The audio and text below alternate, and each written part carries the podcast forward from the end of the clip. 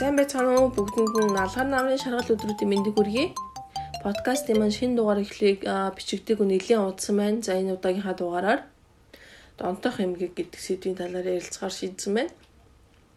За ерөнхийдөө агуулгын хувьд донтох эмгэг гэж юу нь юу хэлдгийг тэгээ сэтгэл зүйн хувьд донтсон хүмүүс ямар онцлог шинж тэмдэг бий болдгийг За тэгээд яагаад юу н донцсон хүмүүс тухайн донцсон зүйлээсээ болж чаддгүй юм бэ? За тэгээ яагаад тухайн зуршил хэрэглээ нь эргээд дон болчихдаг юм бэ? За тэгээд дон донтолтоос ангижрах буюу сэргэлт гэж юу хэлдгийг За тухайн сэргэлтийг хийх гэж байгаа донгоос ангижрах гэж байгаа тэр хүмүүсийн хувьд тэдэнд ямар тусламж дэмжлэг хэрэгтэй байдгийг болон гэр бүлийнх нь хин ямар нэгэн гишүүн дондох юм гихт авцсан тухайн гэр бүлийн бусад гишүүдэд ямар мэдээлэл мэдлэг хэрэгтэй байдаг вэ гэдэг талаар ерөөхдөө ярилцахаар бэлдсэн байна. За тэгээд гол сэтгэл рүү гарцгаая. За донтох гэдэг эмэг маань өөр маш энгийнээр тайлбарлах юм бол согтууруулах ундаа сэтгцэд нөлөөлөх бодис зэрэг бодисуудад бодисуудыг хэрэглэх дахин дахин хэрэглэх мөн мөрөөдөө тоглоом, интернет тоглоом гэх мэт тодорхой үйлүүдийг дахин дахин давтах. За эдгээр нэргээд тухайн хүний бие махбод болон сэтгэл зүйн хувьд хүндрэл учруулах өөрөө түүнийг удирдах чадахгүй байх гэдэг зан үлийн өөрчлөлт тэмгийг хилдэг. За энэ ч сая удирдах чадахгүй байх гэдэг үгийг би та бүхэндээ эхлээд толгоонд суулгаад авчаасаа гэж үсэж чинь дондох хэмгийн хамгийн гол шин чанар нь гэх юм бол тухайн хүн өөрийгөө удирдах боломж чадваргүй болдог гэсэн юм шинж тэмдэг байгаа. За тэгээд дондох хэмгийг дотор нь ерхэд нь 3 том бүлэгт хувааж авч үзэж болдог. За нэгдүгээр бодисын донтолт. За бодис гэд бодисын донтолт гэдэгт нь юуг оруулдаг вэ? Маш олон бодисын донтолтууд байж болно. А тэгэхээр би энэ хамгийн төлөөлөл болгож хүмүүсийн сайн мэддэг гэх юм уу тэр донтолтуудыг дурдаа явчи. За нэгдүгээрт нь бол цогтууруулах ундааны донтолт. За тэгээд сэтгцэд нөлөөлөх бодис буюу хар тамхины донтолт. За тэгээд никотины донтолт гэсэн энэ гурван донтолтыг бодисын донтолт гэж ойлгож болно. За тэгээ үүнээс цаашлаад нөгөө янз бүрийн шатамхай бодис газ үнэртдэг ч байт юм уу, бензин үнэртдэг. За тэгээд нөгөө шар нөгөө цав үнэртдэг ч байт юм янз бүрийн бодис донтох гэдгээр юмгуудыг хэлж байгаа. За тэгээ хоёрдугаар бүлэгт нь болохоор үеийн донтолт. За үеийн донтолт гэдэгт нь юуг авч үзэх вэ гэхлээр аа маш ойрын үед маш хэрэглэгдэж байгаа нөгөө өсвөр насны хүүхдүүд, бага насны хүүхдүүд хөвөртөд байна гэж хэрэглээд хэлээд байгаа энэ дэлгэцийн донтолт байна. За тэгээд интернет тоглоомууд байна, мөрөөдөө тоглоомууд на мөн нөгөө худалдан авах дон буюу shopaholic гэсэн үйлд ямар нэгэн үйл хөдлөлд донтох эдгээр төрлүүдийг үеийн эмгэг донтох эмгэг гэж ойлгож байна. За 3 дугаарт нь болохоор 3 дугаар бүлэг нь харилцааны дон гэж. За энэ харилцааны дон гэдэгт нь юг авч үзэх вэ гэхлээр гэр бүлийн хүчрхийлэл байна, бэлгийн дон байна, мөн харилцагчтай донтох дон. Жишээл энэ нь юу гэсэн үг гэхлээр хос хоёр байлаа гэхэд нэг нь нөгөөдөө хит дондох ч юм уу. За эсвэл гэр бүлийн хүмүүсийн нэг нь нэгэндээ хит их дондох өөрийгөө үл тоож тухайн хүний төлөө ингэж орчин байх ч гэдэг юм. Тэр эдгээр харилцааны эмгийг хэлдэг. За тэгээд үнээс улбаалаад нэг асуулт гарч ирэх нь юу вэ гэхээр дон юм уу зуршил юм уу гэдэг яаж ялах юм бэ гэдэг бас асуулт гарч ирнэ. Тэгэхээр дануу зуршлуу гэдгийг тодорхойлох бол өөрөө бас хэцүү. Дээрээс нь тодорхой бус ийм салаа утгатай болж ирдэг. А гэхдээ би одоо хид хідэн нөхцөл байдлыг дурдж үгүй. Тэгэхээр эдгээрээс олон шинж тэмдэгт таарч байх тусам энэ зуршил биш дон гэдэгтээ хамаарч явна гэсэн. За нэгдүгээрт нь мэдээжийн тохиромжтой хэмжээнээсээ хэтэрсэн байх. За тоглоом байлаа гэхэд өдөрт 30 минут ч юм уу 20 минут үрг амраах га тоглолдог байна уу эсвэл үүнээс хитц өдөржингөө тоглолдог ингээд тоглоомгүй бол байж болохгүй гэвэл энэ жишээлбэл мэдээжийн тохиромжтой байх хэмжээс хэтэрсэн гэдэг үзүүлэлтэнд таарч байгаа. За тэгээ дараач цаашлаад аа муу бодлоос одоо муу өөрийнхөө бодоод байгаа бодлоос ангижрах чөлөөлөгдөх гэх мэт мэдрэмжийг авдгүйгүй юу гэдэг нь энэ ч бас хамаардаг. За цаашлаад давтах бүр тоон өсч байна уугүй юу гэдэг А мөн өөрийгөө гэмтэх эсвэл бусдыг тухайн асуудалтаа хутгах үйлдэл гарч ийн үр дүн гарч ийн За тэгээд би донтцсон байна гэдгээ тухайн хүлээн зөвшөөрөхд хэцүү байна уугүй юу? Мөн хамгийн гол нь өөрөө үнийг удирдах чадж гин үгүй юу гэдэг эдгээр шинж тэмдгүүдээс хамаарат энэ донуу эсвэл зуршлуу гэдгийг ялгаж өгч болно. За тэгээд донтох эмгэгт өрцөн өвчлсөн хүмүүсийн хувьд ямар сэтгэл зүйн онцлог шинж харагддаг вэ гэхлээр нэгдүгээрт импульсив байдал буюу хит хорхоотох байдал. Энэ юу гэсэн үг вэ? Үр дүн нь муу зүйл гэдгийг мэдсээрэж үр дүн буруу тийш иргэн гэдгийг мэдсэн ч гэсэн тухайн үеийнхаа нөгөө хүсэл зоригоо биелүүлэхийн тулд хурдхан шиг энэ үйлийг хийх. За жишээлбэл хурдхан шиг одоо би арх ууснаар муу муу зүйл төрнээ энэ болохгүй гэж мэдээд байгаа мөртлөө тухайн үеийнх нэг архины хүслийг дарахын тулд архиа удагч байт юм уу. За ингээд өнөөдөр би ингээд энэ тоглоомыг тоглолчвол өглөө би ажилласаа хоцорнооч гэдэг юм тэгж бодсон мэдж байгаа мөртлөө тэр тоглоомоо тоглохоо болж чадахгүйгээр тоглолцдог ч байд юм уу ийм импульсив байдал хорхоодох шинж чанар илэрдэг. За тэгээд үйлийн бэхжүүлэлт гэдэг зүйл үүсдэг. Бэхжүүлэлт гэдэг нь юу гэлдэг гэхээр а огод хийсэн подкастн дээр ярьсан санагдаад байна. Суралцгааны тухай хүн ер нь яаж юмыг сурдیں۔ гэдэг талаар подкастын сэдвүүдээр ярьсанчлан бэхжүүлэлт гэдэг юм үүсдэг. За энэ нь юу гэсэн үг гэхээр жишээлбэл А үйлийг хийсний дараа B гэдэг шагнал авнаа. Жишээл энэ за тэгвэл нөгөө архитан согтуурахтай ярихад архитан согтуурах гэдэг үйл хийлээ. Дараа нь B гэдэг шагнал авдана.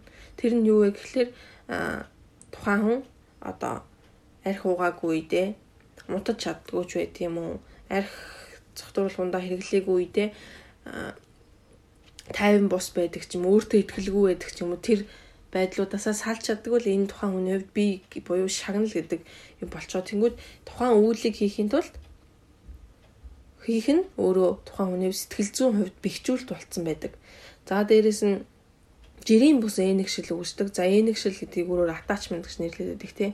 Тэгэхээр тухайн бодис вэ нүү, үйл вэ нүү харилцаанд юмыг бид нэр юмтай ээнэгшдэг, дасдаг. А гэхдээ тэр нь жирийн бус хэмжээнд хүрнэ гэсэн.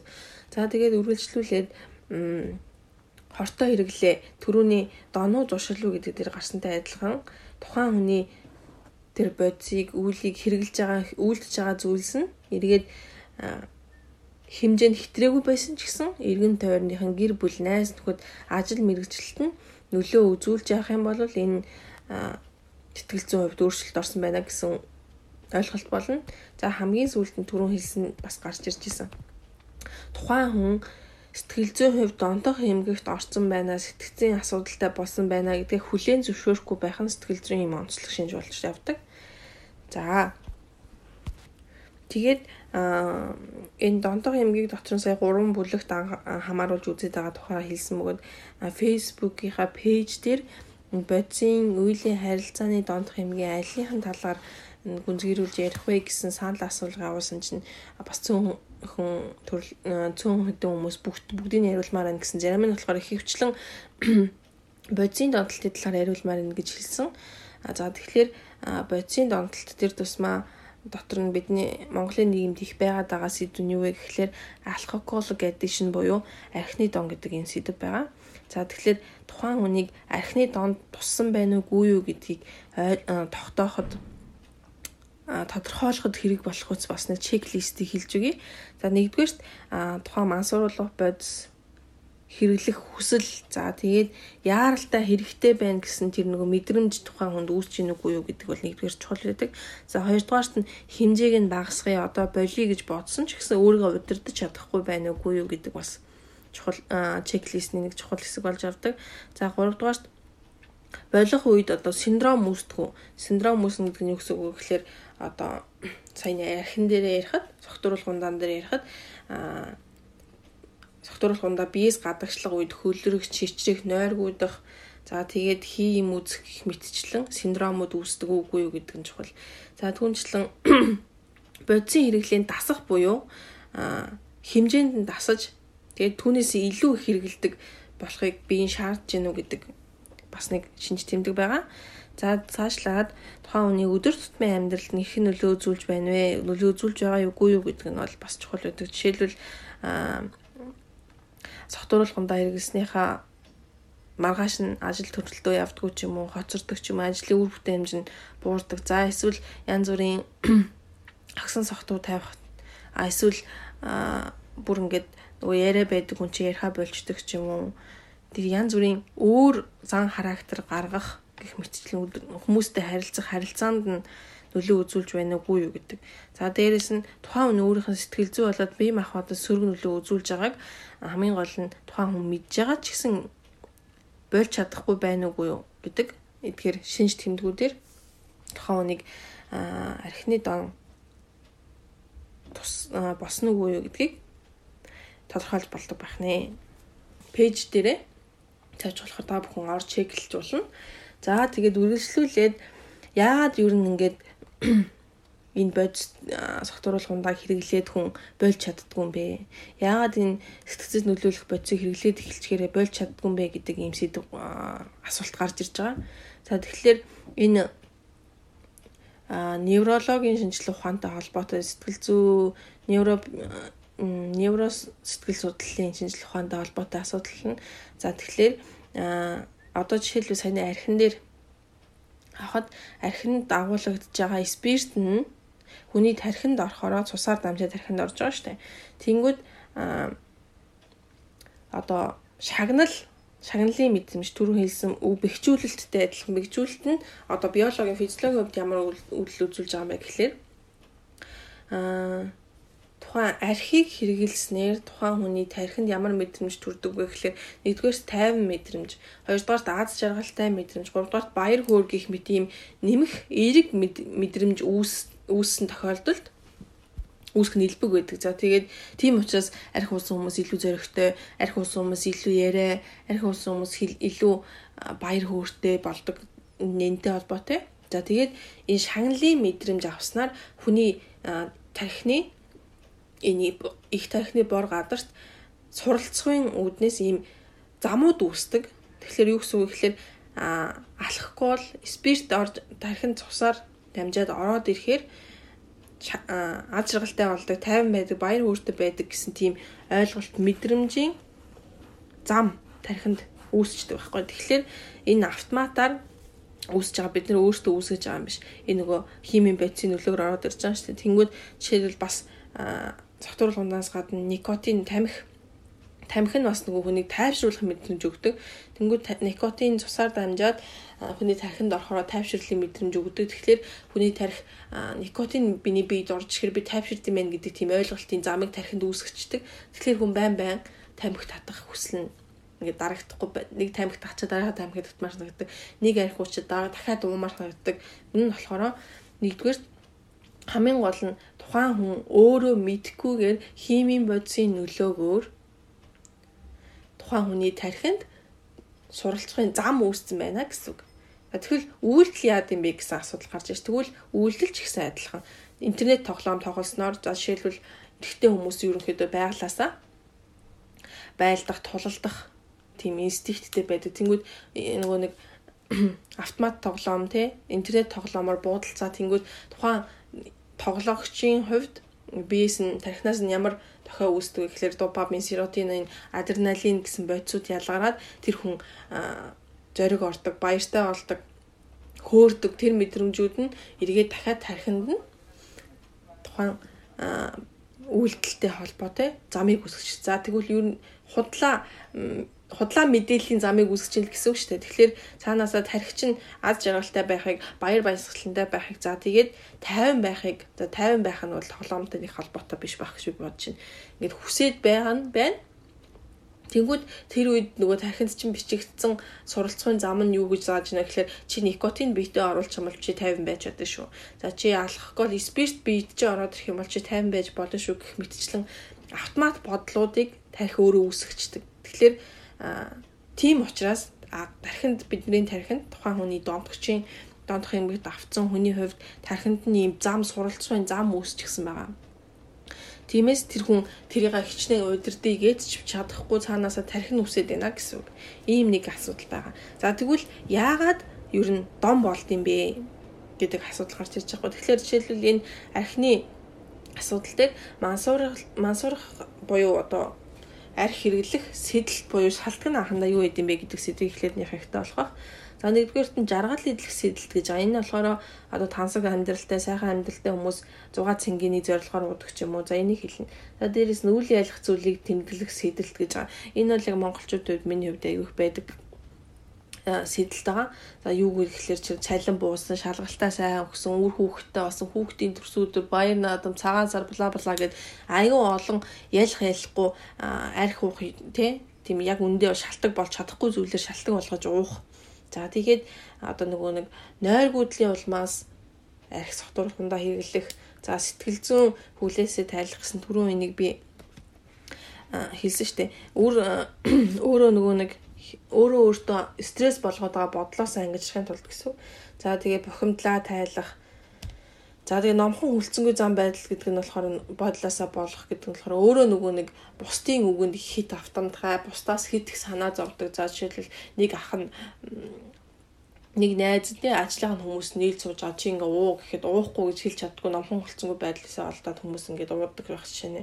Та өөр бас нөгөө нэг хит их бие махбодын өвчлөл өвдөлтөө намдаах гэж уудаг хүмүүс байдаг. За эдгээр нь ихэндээ бол тухайн согтууруулах бодис байцыг хэрлэх шалтгаан нь болдог. За тэгээд энэ нь бол одоо эхний яагаад дом болдгоо гэдэг эхний үе шат нь болно. Юусэн гэхээр эхлээд нь ямар нэгэн асуудалтай байгаа. Асуудал гэдэг нь бол саяны хэлсэнчлэн заавал асуудал биш кавичгэнд жаргал цэнгэлтэй байх үедээ ч байж болно. Тийм эхний байдлаа хэрэгжилж эхэлнэ. За тэгээд цаашлаад хоёр энэ энэ үедээ бол ерөөсө анхандаа тухайн согтууруулах бодисыг хэрэглэснээр айгу мэдрэмж эерэг мэдрэмжүүд авдаг тий түрүүн хэлсэн ад жаргалтай баяр хөөртэй байх мэдрэмжүүд а гэвч тэр нь одоо нэг удирдах түүнийг удирдах боломжинд буураад идэг за хоёрдугаарт тухайн хүний асуудлыг зөөлдөгт байдаг гэж байхгүй юу гэсэн үг гэхлээрэ ихэвчлэн би энэ удаад нөгөө нэг ангаахын үүднээс биш сэтгэл судлалын үүднээс ярьж байгаа учраас илүү сэтгэл зүйн үднэс нь ярилцсан. Тэгэхээр тухайн хүн ямар нэгэн асуудалтай байгаад тухайн асуудал жишээлбэл сая нэг бохомдлоо тайлах, сэтгэл зүйн хүлээсээсээ тайл ангижрах гэдэг асуудлуудыг архитан сотуурах нь асуудлуудын зөөлж өгч идэг. Тийм учраас хүмүүс нөгөө нэг нэг удаа хоёр удаа гэж зуршил ингээд тохиолдол байжсэн зуршил болдог тэрэн цаашлаад дом болдог. За тэгэхээр жишээлбэл одоо нөгөө биеийг эмтээдэг өөрийгөө зүсдэг мүсдэг янз бүрийн тийм асуудалтай хүмүүс байдаг шүү дээ өөрийгөө байнга гэмтээдэг төлдөг тэднээс яадаг вэ гэхээр ингээд ер нь бол тухайн хүн сэтгэл зүйн хувьд яг ямар асуудалч хандлаад байгаа гэдгийг заримдаа ойлгоход хэцүү байдаг. За тэгээд тухайн сэтгэл зүйн асуудлаа ойлгохгүй, ойлгомжгүй, тодорхойгүй юм асуудалд зовж ханалж байхаас илүү нөгөө нэг өөрөө удирдах болох жишээлбэл гараа эсэгчлээ гэж бодоход тэр өвдлийг яагаад өвдөж байгаа гэдгийг тэр хүн өөрөө мэдж байгаа яагаад гэвэл би өөрөө зүсчихсэн. Тэгээ энэ яагаад би зүсцэн тэгээ зүссэн учраас өвдөж байгаа гэдэг маш ойлгомжтой. Өөрийнх нь нөгөө нэг сэтгэл зүйн хувьд яагаад ингэ шалаад байгаа мэдгүй байгаас илүү хэлбэр байдаг болохоор хүмүүс бас бие гэмтээдэг ч байт юм уу. Их мэдчлэн ингээд дом болдгоо. Тэгээ хамгийн гол нь энэ чинь яагаад дом болдгоо гэдэг энэ асуудлын хувьд ярихад тухайн хүн донтгоо болох уугүй юу гэдэг нь ерөөсөө хамгийн чухал асуудал биш бөгөөд хамгийн гол нь тухайн хүн энэ донтолтоосоо гарах үеийн сэтгэл зүйн өвдөлтүүдэд хэрхэн багасгах вэ гэдэг нь хамгийн чухал байдаг. Тэгэхээр хэрвээ хэрвээ архинд донтцсон хүн зүрийн архинаас гарахын тулд маш олон төрлийн эмчилгээнүүд хийлгэж болно шүү дээ. Хор гадагшлуулах эмчилгээ, албатай эмчилгээ хийлгсэн мөртлөө тухайн хүн яагаад болохгүй байгаад байна вэ гэдгийнхэн цаана бол хамгийн гол асуудал нь тухайн өөрөө сэтгэл зүйн асуудалтай байна гэсэн гол асуудал байгаа. Жишээлбэл гэр бүлийнхэнтэйгээ ойлголцдгүй ч үт юм уу санхүүгийн асуудал ч үт юм янз бүрийн ер нь бол хүн хоорондын харилцаа тэгээд эдийн засгийн харилцаатай холбоотой асуудал тухайн хүнд байна. Тэгээд түүнийг шийдвэрлэл гаргаа өөр болоогүй байна гэдг нь тухайн яагаад донтолтоос гарч чадахгүй байна вэ гэсэн асуудлуудын гол тулгуур нь болж өгч идэг байх нэ. За тэгээд үргэлжлүүлээд аа тухайн донтолтоос донтолтын эмгээс ангижрах буюу буцан сэргэх сэргэлт гэж юу хэлдэг вэ гэдэг асуудал руу оръё.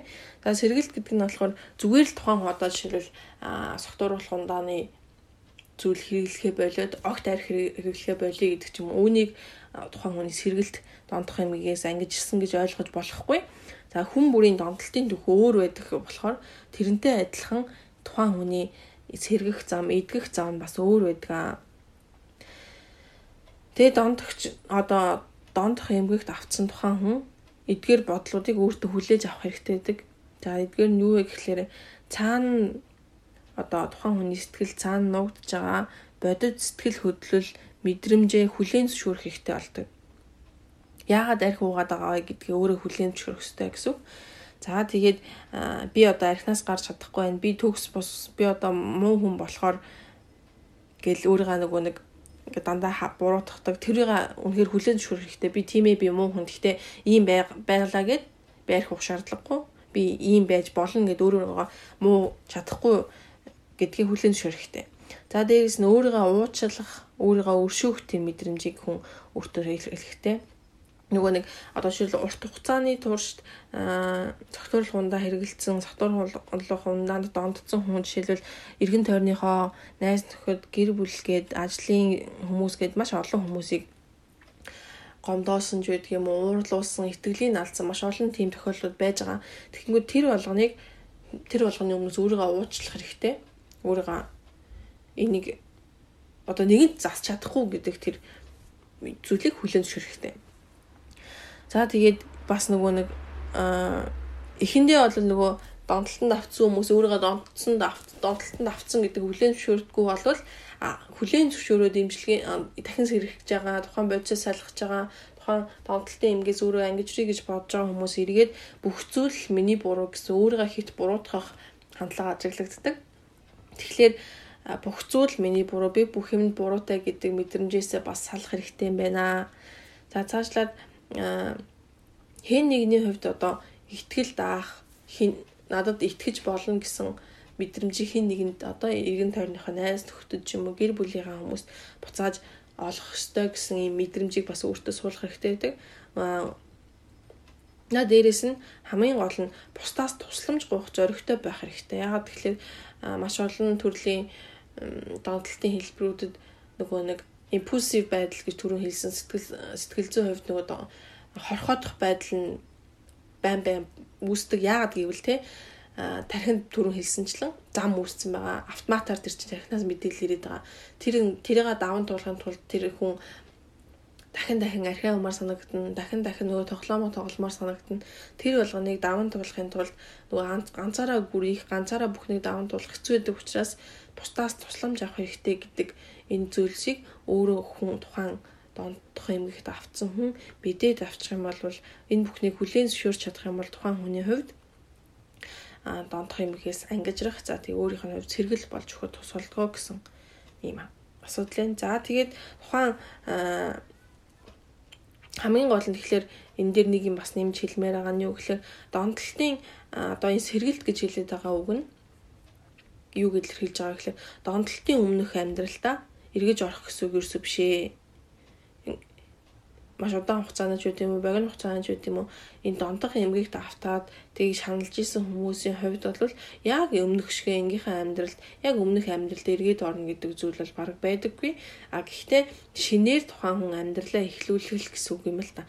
Өөрөөр хэлбэл а тухайн хүн сая түрүүн хэлсэнчлэн хүн бүрийн донтолтын түүх адилхан байдгүй шиг нөгөө нэг идэрх тэ сэргэх зам нь тодорхойгүй зарим нэгнийх нь хувьд 2 3 жилийн дотор донтолтоосоо салж чадсан байхад дараагийн хүн 20 30 жилийн хугацаа шаардах үеч байна. Тэгэхээр хизээ тэр хүн бүрэн сэрэх нь тодорхойгүй цаг хугацаа хэрэгтэй. Тэгээд тэр цаг хугацааны турш дахиад нөгөө нэг хорхоосох мэдрэмж нь бий болно. Тэрийг дарна хэмжлэн маш олон хэмжээний сэтгэлзэн асуудлууд үүснэ. За тэгээд энэ бүгдийг хүлээн зөвшөөрөх хэрэгтэй. Дээрэс нь тухайн хүн өөр сая хэлсэнчлэн бүгд өөр учраас хүн бүр адилгүй учраас тухайн хүн одоо өөрийнх нь таньдаг хин нэгэн согтууруулах ундааны донтолтоос аягүй хурдан 2 жилийн дотор 3 жилийн дотор салцсан байхад би ингэж чадахгүй байна гэдээ өөрийгөө буруутгах ч юм уу? Өөрийгөө бусдад хариуцуулах нь бас энэ чи маш болохгүй зүйл байдаг. Чи гэр бүлийнх нь гişүүдийн зүгээс ч гэсэн тэдний тэр ингээд 2 жилийн дотор 3 жилийн дотор архинаас гарсан байгаа чи ингэж чадахгүй байна гэд буруутгаад ах бас нөгөө додох хэмгэгт авцсан хүний хувьд бас аюу хүндрэлтэй байд юм байна гэдгийг энэ чи бас ойлгоод авчих хэрэгтэй. За тэгэхээр нэгэнт дондох эмгэгт автцсан хүмүүсийн хувьд тэдэнд юу хэрэгтэй юм бэ гэдэг асуудал бас тулгарч байна. За тэгэхээр дондох эмгэгт өртцөн. За тэгээд тэнцэнсээ сэргэлтэнд орохыг хүсэж байгаа хүмүүс юу хэрэгтэй вэ гэхээр хамгийн эхлээд бидний хамгийн ойлгож авах зүйл бол шийтгэл хэрэгтэй биш. Шийтгэл бол буруу гарцаа одоо загнах, өглөх чи ингээ арчаагүй дээ ингэж юм гэдэг юм уу? Чи чадахгүй болохоор ингэж ин гэдэгтэй биш тухайн хүнд а гэдэг нь шийтгэх загнах уурлах нь ерөөсө тэр хүнд ерөөсө тусламж болдоггүй гэдгийг ойлгож авах хэрэгтэй. Тэгээд эсрэгээрээ тухайн тусламж хэрэгтэй. Тэгээд хэцүү байгаа үедээ те хорхоосоод байгаа үедээ ярилцах тус хүн хэрэгтэй өөрт нь тий чи дахиад архиа уудсан уу гэх биш те чи яагаад ингэсэн яамаар байна гэд ингээ ярилцах ойлгох итгэж чадах тийм хүн хэрэгтэй байт юм байна. За тэгээд нөгөө гадаадын а барууны орнууд болоод энэ одоо Японд бас байдаг манад би бас нийтээс зөндөө хайж үзсэн тийм юмнууд баг байдгүй юм бэлээ. Баг гэж байхгүй байлээ. Тэгээд сэтгцэн эрүүл мэндийн төвийн харьяа нэг төв байсан. Тэрэн дээр бол тийм яг миний одоо хэлэх гэж байгаа сургалтын төв байдаг үгүй мэдэхгүй байна. Тэгэхээр магадгүй миний одоо ярих гэж байгаа энэ төвийн талаар мэдээл мэддэг ч юм уу сонсогч байвал надад мэдээлэл хүргээрээ би бас цааш нь хүмүүстэй мэддэгдэж хүргэе гэж бодож байна. За юу хэлдэг вэ гэхээр одоо буцаа сэдвлүү ороход тэдэнд юу хэрэгтэй вэ гэсэн тий. Тэгэхээр тус шийтгэл биш тусламж хэрэгтэй. За тэрнээс гадна тухайн донтолтонд автсан хүн үннээ хэлж болох газар тэдэнд хэрэгтэй байдаг. За өөрөөр хэлбэл нэг англиар Америк орнуудад барууны орнуудад self help group гэж нэрлэдэг. За энэ яадаг вэ гэхээр нөгөө нэг одоо архинд донтцсон сотурлах ундааны донтох эмгэгт орцсон хүмүүс тэ эдгэрхийг хүсэж байгаа эдгэр хүмүүс бөөнөрөө группээр уулзаж ярилцдаг тэ тэгээ тухайн групп дээр ярилцсан тухайн хүмүүс уулзаад ярьсан тухайн хүний мэдээл бусдад гадагшаад харахгүйгээр хоорондоо бие биенийхээ туршлагыг хуваалцах. За яагаад ямар сэтлэр одоо донтсон яаж агаад донтолтонд авсан ямар зүгаад бэрхшээлийг туулсан за тэгээд гарахын тулд бас ямар хэцүү байсан гэх мэтчлэн өөрсдөө нөгөө нэг асуудлыг ярьдаг тийм группүүд байдаг. За энэ э, яагаад тэдэнд хэрэгтэй байдаг гэхээр би бол ганцаараа биш гэдэг мэдрэмж хүнд хэрэгтэй байд юм л да. Би ганц тэгэхээр нөгөө ийм группт очихгүй хүн ганцаараа гүрийгээд яваад тахлаар би л нөгөө амар зовоод байна. Би л ингээд айгүй хэцүү байгаад байна. Яагаад ингээд энэ надад ийм хэцүү байгаа юм бэ гэсэн мэдрэмжүүд төрж эхэлдэг. Тэгэхээр ийм группт явж ярилцж үзснээр үннээ хэлж болох газар байснаар тухайн хүн нэгдүгээрт өөрийнхөө нөгөө нэг хай хот мэдрэмжээ гадагшлуулна хоёрдугаарт өөртөө найдлах хүмүүс байдаг юм гэсэн ижил мэдрэмжийг аваад тайвшрах мэдрэмж тайвшрах боломж олгодог. За дээрэс нь тухайн хүмүүсийг ганцаардуулахгүй байх гэдэг энэ хоёр зүйл тэдэнд хэрэгтэй байдаг байх нэ. За тэгэхээр үргэлжлүүлээд донтох эмгэгт автсан гэр бүлийнхэнд зориулаад хэлэхэд за энийг энэ сэдвүүл орохоос нь бас нэг зүйлийг нэмэт хэлжээ. Тэгэхээр аа хүнийг ер нь хүний хүнд юм суралцгой үүсэх за тэгээд зуршил үүсэх гэдэг нь ерөөсөө нэгдүгээр тухайн хүний орчин байгаа хүрээлэл хүмүүсээс хамаардаг. За хоёрдугаар тухайн хүний хүсэл хэрэгцээ гуравдугаарт ген хамаардаг юм байна л да. За энэ гений талаар хамгийн төсөл нийтүүлээ ярилцсан. За хоёрдугаарт хэлсэн сая хүсэл хэрэгцээ гэдэг нь юу хэлдэг юм бэ гэхлээр ер нь ямар ч хүн насанд хүрсэн ч хүн бай хүүхэд ч бай би бинийгаа хүн нөгөө нэг хүний нийгмийн ламтан болохоор хайрлуулах хүндлүүлэх, өөрийгөө ойлгуулах, би байна, бодит оршин байна гэдгийг мэдрэх, өөрийгөө хүндлэх гэх мэтчлэн хэрэгцээнүүд байдаг.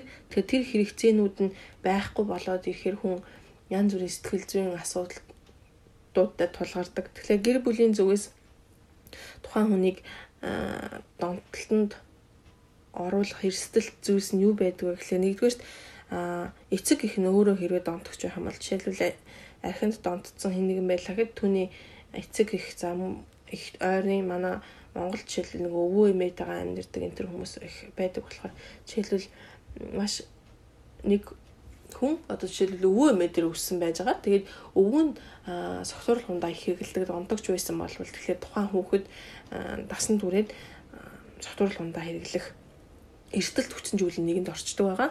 За хоёрдугаарт сая хэлсэнчлэн хайр мэдрэхгүй байх хүүхдийн хувьд тэ эрсдэлт хүчин зүйл донтогч ирээдүйд донтогч болох эрсдэлт хүчин зүйлд ордог. За хайр мэдрэхгүй байх гэдэг нь бас юу хэлж байгаа гэхэл нөгөө domestic violence буюу гэр бүлийн хүчирхийлэлт их автдаг хүмүүс бол эргээд тасан дүрсэнө донтогч болох тийм хүчин зүйл нь өндөр болж эрсдэл нь өндөр болж эхэлт юм байна. Өөрөөр хэлбэл нөгөө бага насандаа гэр бүлийнх нь гэр бүлийн хүчирхийлэлд өртөөд өөрийгөө тайшруулах гэж нөгөө чихмэл тоглоом барьж унтдаг. Заавал тэрнээсээ салж чаддгүй тэрнтэйгээ тайвш тэрнтэйгээ байж тайвширдаг хүүхдүүд мөхтүүд байдаг шүү дээ. Тэднээс тэгэхээр том болоод нөгөө тамхинд дондох архин дондох магадлал айгүй өндөр болоод явцдаг. За тэгээд үргэлжлүүлээд неглект буюу үл тоох гэр бүлийн зүгээс үл тоох.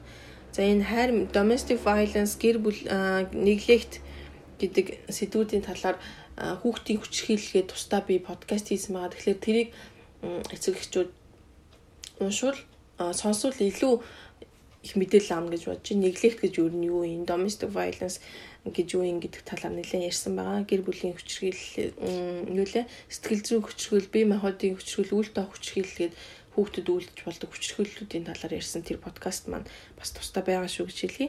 За тэгээд өргөжлүүлээд дундуур нь би айгүйх янз бүр юм яриад тах шиг байна. Бүгдээр ус сонсогчдоос жоохон уучлал хүсчихье. За тэгээд үйл тоохоос гадна хит хөндлөнгийн оролцоо бас эрсдэл хүчин зүйл болдог. Юу гэхээр хүүхэд нөгөө би хүн гэдгээ мэдэрч эхэлж байгаа хугацаанд үе байгаа шүү дээ тий. Би ингээд бүр бага насны хүүхэд бол нөгөө би хувь хүн гэдгээс илүү би аав ээж би энэ гэр бүлийн гэдэг нөгөө өөрийгөө яг тусдаа дахид би хүн гэдгээ бас бүрэн мэдрээгүй байдаг. За ахлах а дон арай томроод ирэхээрээ өөрөө нөгөө нэг эсэргүүцэл үзүүлж эхэлдэг аав ээжтэй аав ээжийнхээ үзэл бодлоос өөр үзэл бодолтой байдаг ч юм уу тэр үед нь хитрхийн нөгөө хэд хөндлөнгийн оролцоо аав ээжийн зүгээс ороод ирэхээр нөгөө хүүхэд өөрийгөө би хүн гэдгийг мэдэрч чадахгүй стресст өртдөг. За дээрээс нь тайван байж чадахгүй, өөрөөрөө байж чадахгүй болохоор мэдээж хинж ч гэсэн тавгүй байна. Тэр тэр мэдрэмжүүд нь цугларсаар агаад эргээд бас эрсдэл хүчсэн зүйл болж өгт юм байна. За мөн хит эрхлүүлэх хит эрхлүүлэх одоо түрүүн яг хэлсэн шүү дээ нөгөө мансууруулах бодисны хэрэглэх одоо шалтгааны үед юм бэ гэдээ анх тэгж яхдаг нөгөө жаргал жаргал идэх сэдэлт гэдэг англигийн ороод явчихна. Хит ихэлсэн хүүхд бол жаргал идэлгцэн инглээр мансууруулах бодисны цогтууруулах бодисны эмгэгт өртөх эрсдэл хөтөн зүйлд орно гэж. За тэгээд дондогчийн гэр бүл рүү эргээд өргөжлүүлээд явхад за гэр бүлийн хэн нэгэн гишүүн одоо дондох эмгэгт автсан байхын тухайн гэр бүлийн хувьд мэдээж хүнд байдаг. Тэрнээс гадна тухайн гэр бүл бусад гэр бүлүүд танил найз нөхдийнхээ хувьд маш ичгэвтер гэж гэсэн бодол өөртөө ордог. За тэгээд ичгэвтер дээрэс нь энэ бугланд бид нэр өөрсдөө буруутай гэсэн мэдрэмж үүсдэг бодож эхэлдэг. За ингээд за энэ ийм амьдралыг болмоор байна, төвчгүй байна, явмаар байна гэсэн бодлууд байнга орж ирдэг ч гэсэн ингээд чаддгүй ингээд үргэлжлүүлэл байгаад идэг. Тэгэхээр гэр бүлийн гişүүд дунд чинь донтох хэмжээгт авцсан хэн нэгэн байгаа үед тухайн гэр бүлийн бусад гишүүд юуг мэдэж авах ёстой вэ гэхлээр бүх зүйл таны буруу биш гэдгийг өөрөө ойлгох хэрэгтэй. Нөгөө нэг одоо жишээлбэл гэр бүлийн нөхөр нь ингээд дондох юм согтууруулах хундаад хит донтдог эмгэгтэй болцсон үед ихнэрүүд нь би л ингээд муу ихнэр байсан учраас би л ингэж ийсэн учраас гэд өөрийгөө хитрхийх буруутгаад байдаг. Тэгэхээр энэ бүхэн таны буруу биш ээ.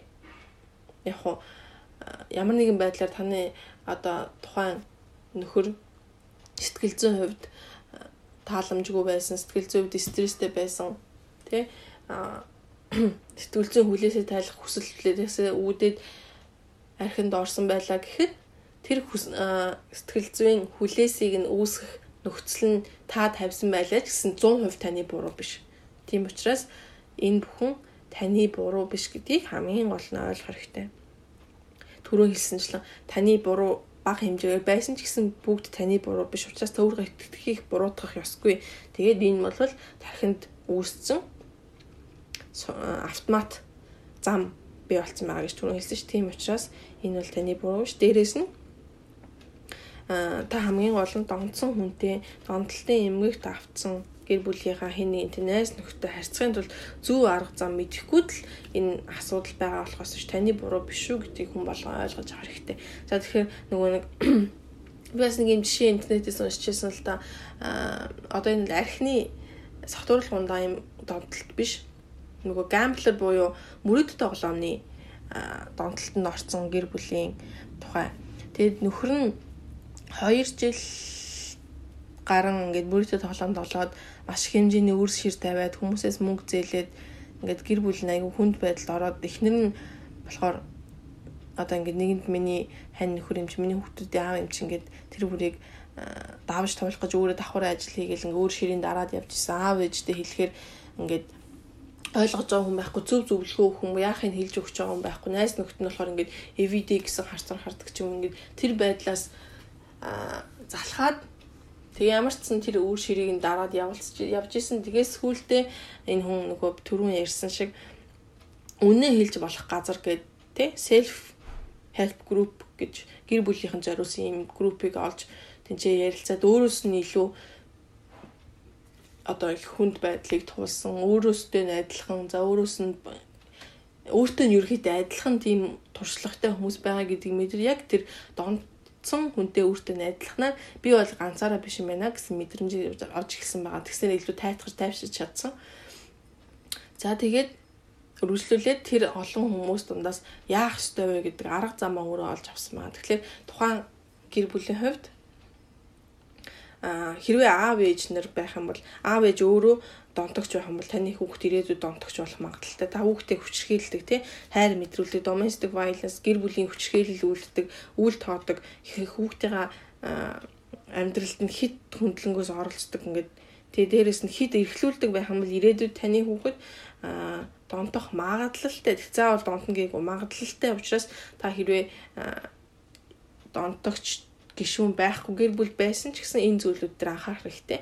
А хэрвээ байлаа гэж бодоход ирээдүйн хүүхдүүдэд ийм байлахгүй тул та энэ дээр анхаарах хэрэгтэй. Дээрээс нь та өөрөө буруугүй тэгээд яаж харьцах вэ? Ямар арга хэмжээ авах гэдэг талаар бусадтай зөвлөлдөх зөв одоо сэтгэл зүйн үйлчлэгийн төвч байд юм уу? Мэргэжлийн хүмүүстэй ханд зух тусламж зөвлөгөө авахаас айж ичихгүй байх ёстой. За үргэлжлүүлээд хамгийн сүүлд нь хэлэхэд нэг асуулт гарч ирж байгаа нь юу вэ гэхээр за тэгвэл ер нь энэ донтох эмгэг гэдэг зүйлд чинь ген хамаатай юм уу энэ удамштай юм уу гэдэг асуудал гарч ирж байгаа.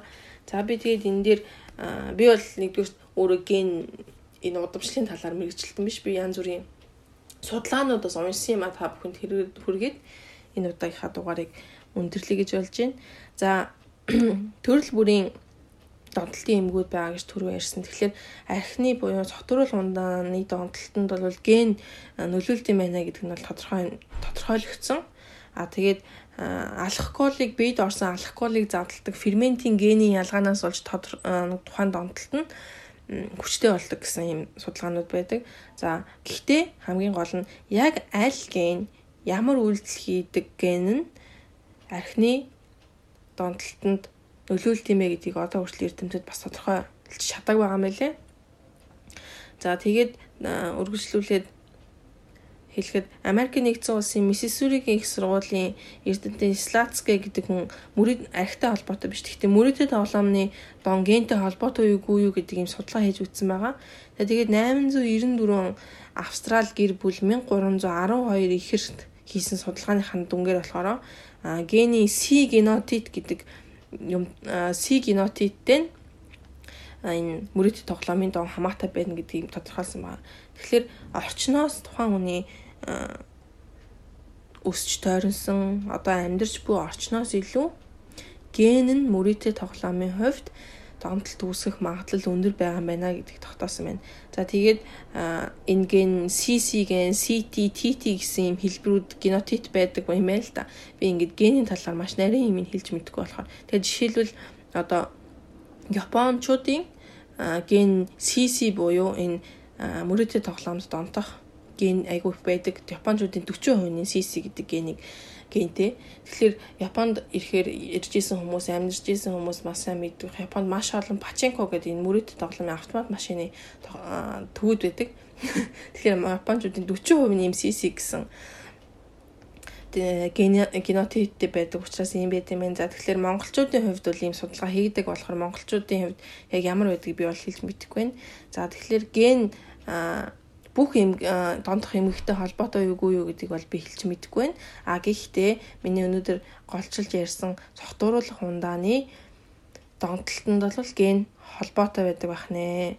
Тэгэхээр архитны донтолттой гэр бүлээс гэр бүлийн хүн бол архинд дондох эмгэгт автах нь өндөр магадлалтай гэсэн учраас бас миний эргэн тойронд миний гэр бүлтэй архинд донцсон донтох эмэгтэй хүн байгаа билүү гүй илүү гэдгийг бас хүмүүс өөрсдөө анзаарч хэрэгтэй юм байна. За тэгээд магадгүй манай гэр бүлд ийм согтуурал хундаанд донтох эмэгтэй нэмэгт авчижсэн хүмүүс байгаа шүү гэж бодож байгаа тохиолдолд тухайн хүн өөрөө бас тэрнээс урьдчилан сэргийлж өөрөө тэр нөгөө согтуурал хундааг айл болох хэрэглэхгүй байх зайлсхийх арга замуудыг өөрөө авч явахгүй бол бас ген гэдэг чинь хүчтэй байд юм байна шүү гэдэг нэг зүйлийг хэлээд хэлье. За тэгээд би бас энэ та бүхэн бас сонсож болно. TED-ийн аппликейшн дээр ярилцлагууд байгаа. За энэ нөгөө Америкийн National Drug Control Policy гээд төвийн захирал байсан. Drug гэдэг нь одоо би яг юу гэж орчуулах юм мэдэхгүй. Үндэсний эмзүүн төв гэх юм уу энэ хотууруул сэтгцэд нөлөөлөх бодисын удирдлага гэх юм уу тэр төвд нь ерөнхийлөгч байсан Майкл Почели гэдэг хүний ярилцлага тэр хүн нөгөө өөрөө залуу байхдаа өөр хүүхэд байхаас ижил хүйсэн гэдгээ мэдрээд тэгээд тэрийг тухайн нийгмийнх нь өөрийнх нь тэр амьдарч исэн нийгмийн үзэл бодлоос хамаарат нөгөө ижил хүйстэн гэдгийг илэрхийлж чаддгүй тэрнээсээ болж нөгөө стресстэд анх архинд орж исэн. Тэгээд гей бар олоод тэнцэнэ очоод гей барнд юу хийдэг байсан гэвэл архил уудаг байсан гэд.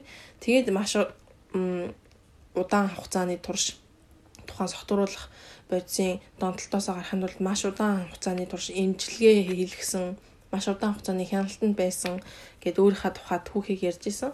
Тэгэхээр хүн болгоны хувьд архинд орсон түүх нь өөр байдаг гэдэг бас нэг түрүүн хэлээд байсан юм аа юм байгаа.